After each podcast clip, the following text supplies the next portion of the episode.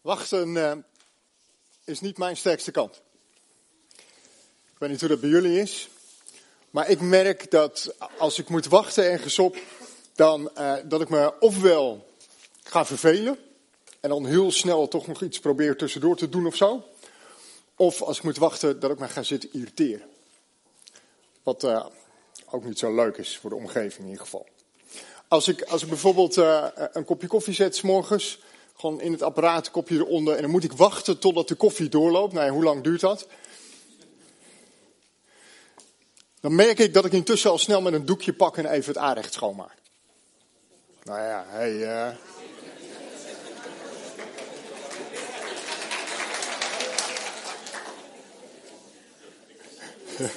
Oké, die zag ik niet aankomen, maar. Uh... Het is schoon bij ons thuis, joh. Echt. Oké, nou, dat is prima. Dus kennelijk aan jullie applaus uh, te merken. Maar weet je, als ik een afspraak heb, als ik een afspraak heb bij, um, ik wou zeggen de huisarts, maar dat is een beetje gevaarlijk hier. Als ik een afspraak heb bij de tandarts. We hebben geen tandartsen, toch of wel? Of ben ik... Als ik een afspraak heb bij de tandarts en ik moet wachten en ze loopt uit en het duurt, dan vind ik dat gewoon echt irritant. Daar baal ik van. En dan ga ik me zitten vervelen. En, en, ja, en zeker als het flink uitloopt, dan denk ik, kom op, ik moet hier op tijd zijn. Doe je ding. Zo, als ik, als ik zelf ergens op tijd moet zijn en ik rijd de file in, oh, zo, dat, ik, ik hou niet van wachten. Het werkt gewoon niet goed op mijn humeur. En we hebben het al uh, gehoord en gezien met uh, de kinderen net. Het is, komende, het is vandaag eerste advent. En de komende zondagen staan we stil bij wachten. Of eigenlijk onder het motto, ik kan niet wachten. En we leven met elkaar toe naar kerst. En we gaan zien dat verschillende mensen moeten wachten. Maria moet wachten, Jozef moet wachten, de wijzen moeten wachten. En wij moeten ook wachten. We wachten met elkaar op de komst van de Heer Jezus. En daar staan we vanmorgen bij stil. Wachten op de komst van Jezus. En we lezen een paar versen met elkaar uit uh, Jacobus. Het laatste hoofdstuk van Jacobus, hoofdstuk 5, vanaf vers 7. Net voor het gedeelte wat gaat over de zieke zalving. Ik lees de versen 7 tot en met 11. Jacobus 5. Heb geduld, broeders en zusters, tot de Heer komt. Denk eens aan de boer, die geduldig blijft wachten op de kostbare opbrengst van zijn land. Tot de regens van najaar en voorjaar zijn gevallen. Wees net zo geduldig en houd moed, want de Heer zal spoedig komen. Klaag niet over elkaar, broeders en zusters, want daarmee roept u het oordeel over u af. Bedenk dat de rechter voor de deur staat. Neem een voorbeeld aan het geduldige lijden van de profeten, die in de naam van de Heer spraken. Degene die stand hielden, prijzen we gelukkig. U hebt gehoord hoe standvastig Job was. En u weet welke uitkomst de Heer gaf. De Heer is immers liefdevol en barmhartig.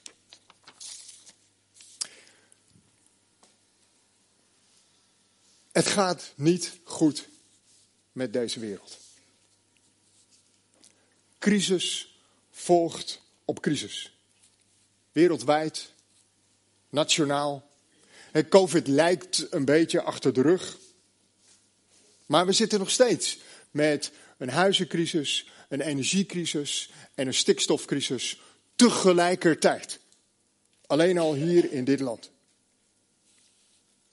En als ik denk aan de aardbevingsschade in Groningen, dan vraag ik me af of al die gedupeerden al gecompenseerd zijn. Ik denk van niet. En hetzelfde over de toeslagenaffaire. Is iedereen al tegemoet gekomen daar? Ik denk het niet. Er is verharding in standpunten. Er is liefdeloosheid onder elkaar.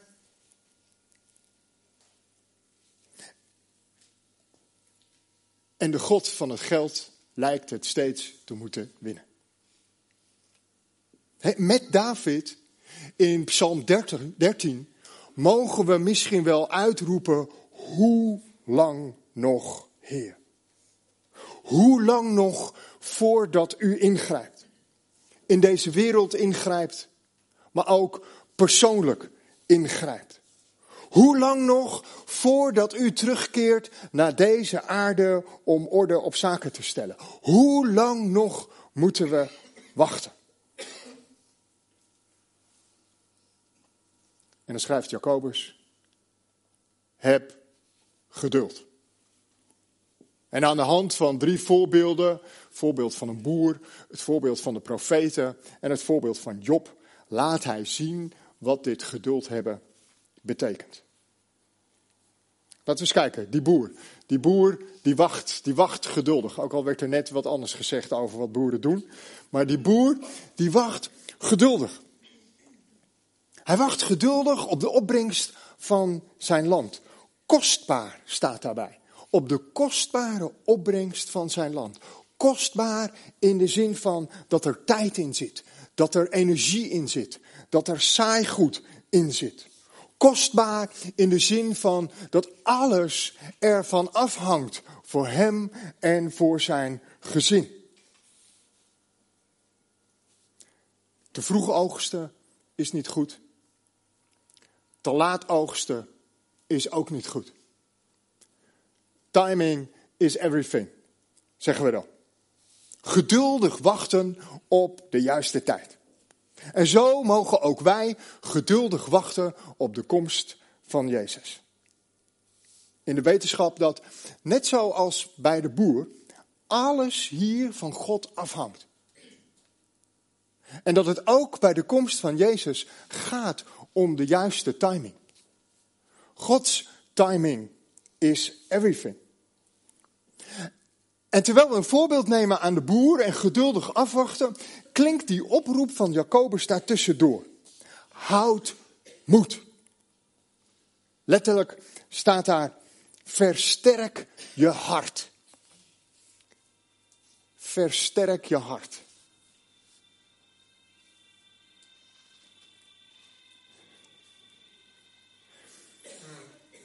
Hoe doe je dat? Versterk je hart. Is dat gewoon, lees je Bijbel, bid elke dag en dan, en dan misschien nog net even iets vaker doen of iets meer? Is het, nou, er is wel echt iets aan de hand. Zo, allemaal naar buiten gekeken, nu kan het. Lijkt wel school. Hoe doe je dat? Versterk je hart is dat, lees je Bijbel, bid elke dag, maar dan gewoon net even een schepje erbovenop, net even iets meer, net even iets vaker? Is versterk je hart vaker hier zijn, bij elkaar komen? Is het misschien een taak oppakken? Is het meer geld geven aan de kerk? Is dat versterk je hart? Weet je, versterk je hart. Ik denk dat we dat moeten zoeken in de relationele sfeer. Je relatie met God en onze relatie met elkaar. Vanuit die relatie met God en die relatie met elkaar weten dat het goed komt en dan samen volhouden. Relaties hebben te maken met vertrouwen, met samen optrekken, met geven, met nemen, met hoogtepunten, met dieptepunten. Er is wederkerigheid in een relatie. Houd moed betekent dat we elkaar aanmoedigen om door te gaan. En dat we elkaar aanmoedigen om vol te houden. En dan helpt het als we elkaar zien. Echt zien. Even een knikje. Even een duimpje of zo. Of een schouderklopje. Of die oprechte vraag: hey, hoe gaat het met je? Kan ik iets voor jou betekenen? Is er iets in je leven waar ik voor mag bidden? Hoe kan ik je helpen om je hart te versterken? Hoe kan ik je helpen om de moed erin te houden? En ik zei het al. Het gevaar bij wachten en lang wachten is dat we geïrriteerd raken. Dat we ons vervelen, dat we ons geduld verliezen en dat we dan gaan klagen. En Jacobus die voelt dat haarscherp aan. En dat is het volgende wat hij schrijft. Hij zegt, klaag niet. Klaag niet.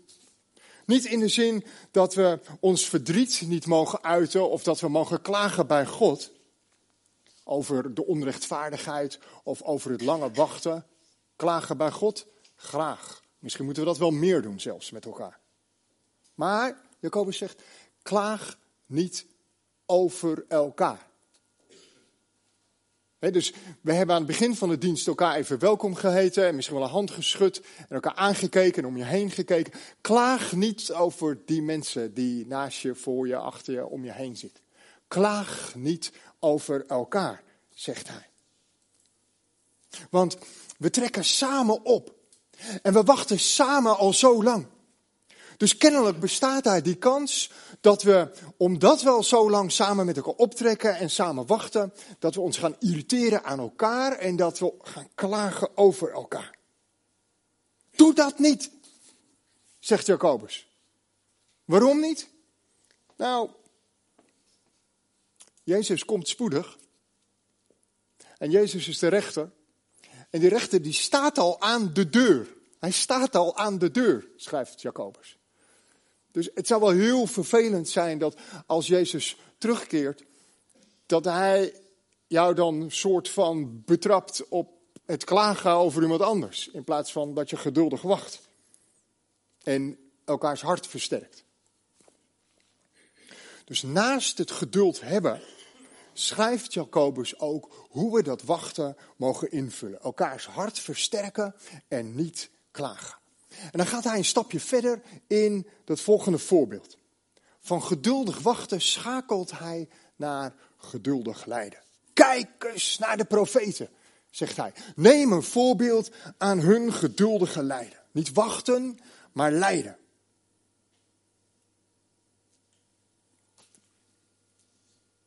Ik vind het altijd moeilijk, hè? Lijden. Dan denk ik, wie ben ik? Wat moet ik nou gaan zeggen over lijden? Zo tuurlijk. Ik heb ook wel het nodige meegemaakt, maar toch. Lijden. Wat is lijden? Hoe, wat? Dan moet ik denken aan de verhalen die we kennen uit de vervolgde kerk. Mensen die omwille van hun geloof lijden vervolgd worden. Of misschien moeten we denken aan mensen die letterlijk huis en haard kwijt zijn. Vanwege de zoveelste aardbeving of overstroming. Of we mogen denken aan de mensen in onze eigen omgeving. Die gebukt gaan. Onder ziekte, onder zorgen, rouw of eenzaamheid. En dan heel snel komt dat bekende vers uit 1 Korinthe 12 al naar boven. Als één lid lijdt, dan lijden alle leden mee. En de profeten stonden er vaak alleen voor. En toch hielden ze vol. Verwachtingsvol hielden zij vol. Verwachting dat God zou gaan ingrijpen. Wij hebben elkaar. En samen mogen we volhouden.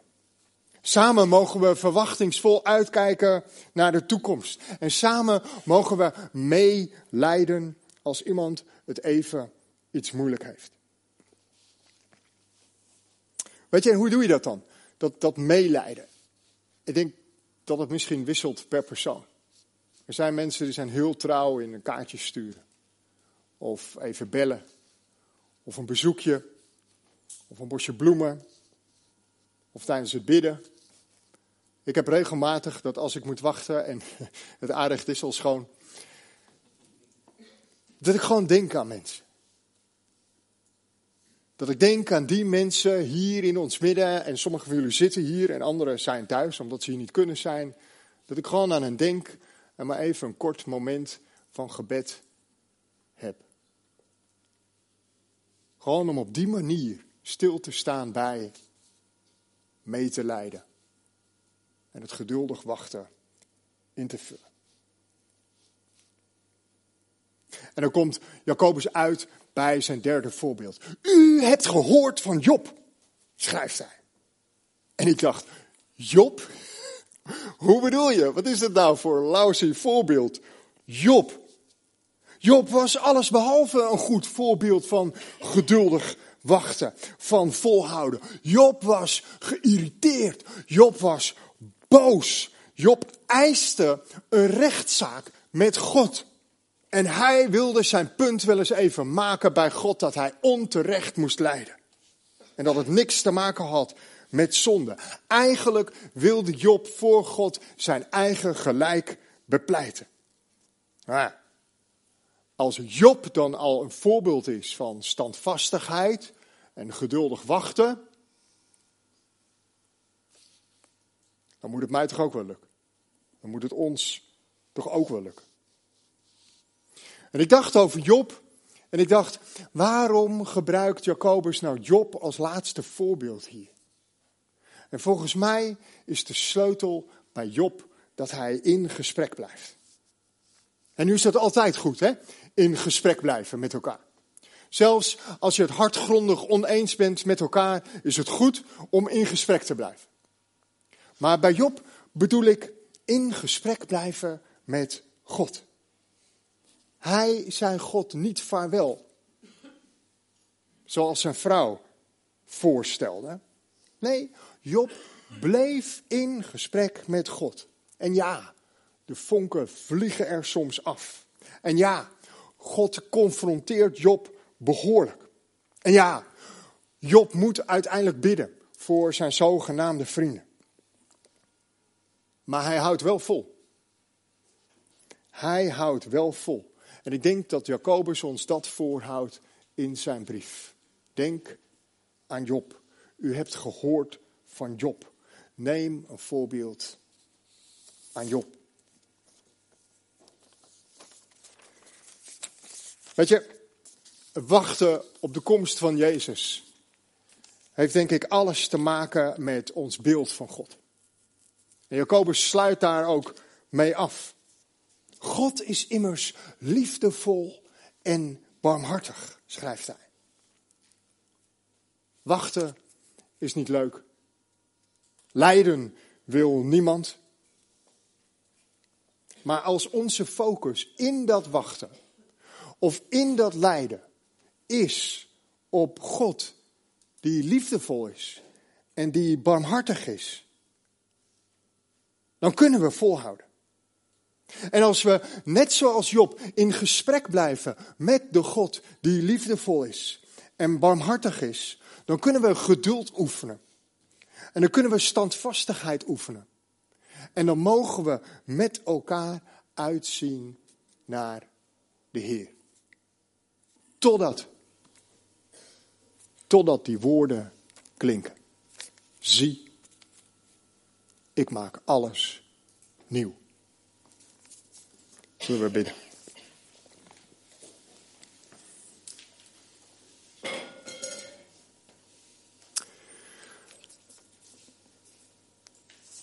Vader in de hemel, we danken u voor uw woord.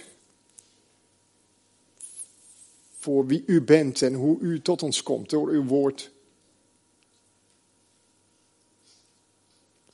Heer, en dan ervaren we allemaal die spanning. Dat aan de ene kant uw woord zegt, ik kom spoedig. Ik sta aan de deur. En dat het tegelijkertijd al zo lang duurt. Voor de wereld waarin we leven. Maar misschien ook wel heel persoonlijk voor onszelf.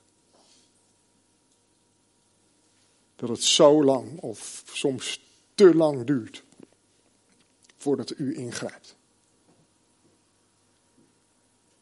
Vader, help ons. Help ons om ons vast te klampen aan uw liefde en aan uw barmhartigheid. En we bidden vanuit het diepst van ons wezen, Heer, ontferm u. Ontferm u over deze wereld. Ontferm u over ons land. Ontferm u over ons als gemeente en dan in het bijzonder die mensen die het moeilijk hebben, die lijden en die wachten. En we bidden, Vader, help ons om elkaars hart te versterken door de kracht van uw Heilige Geest. We vragen u dat in de machtige naam van Jezus. Amen.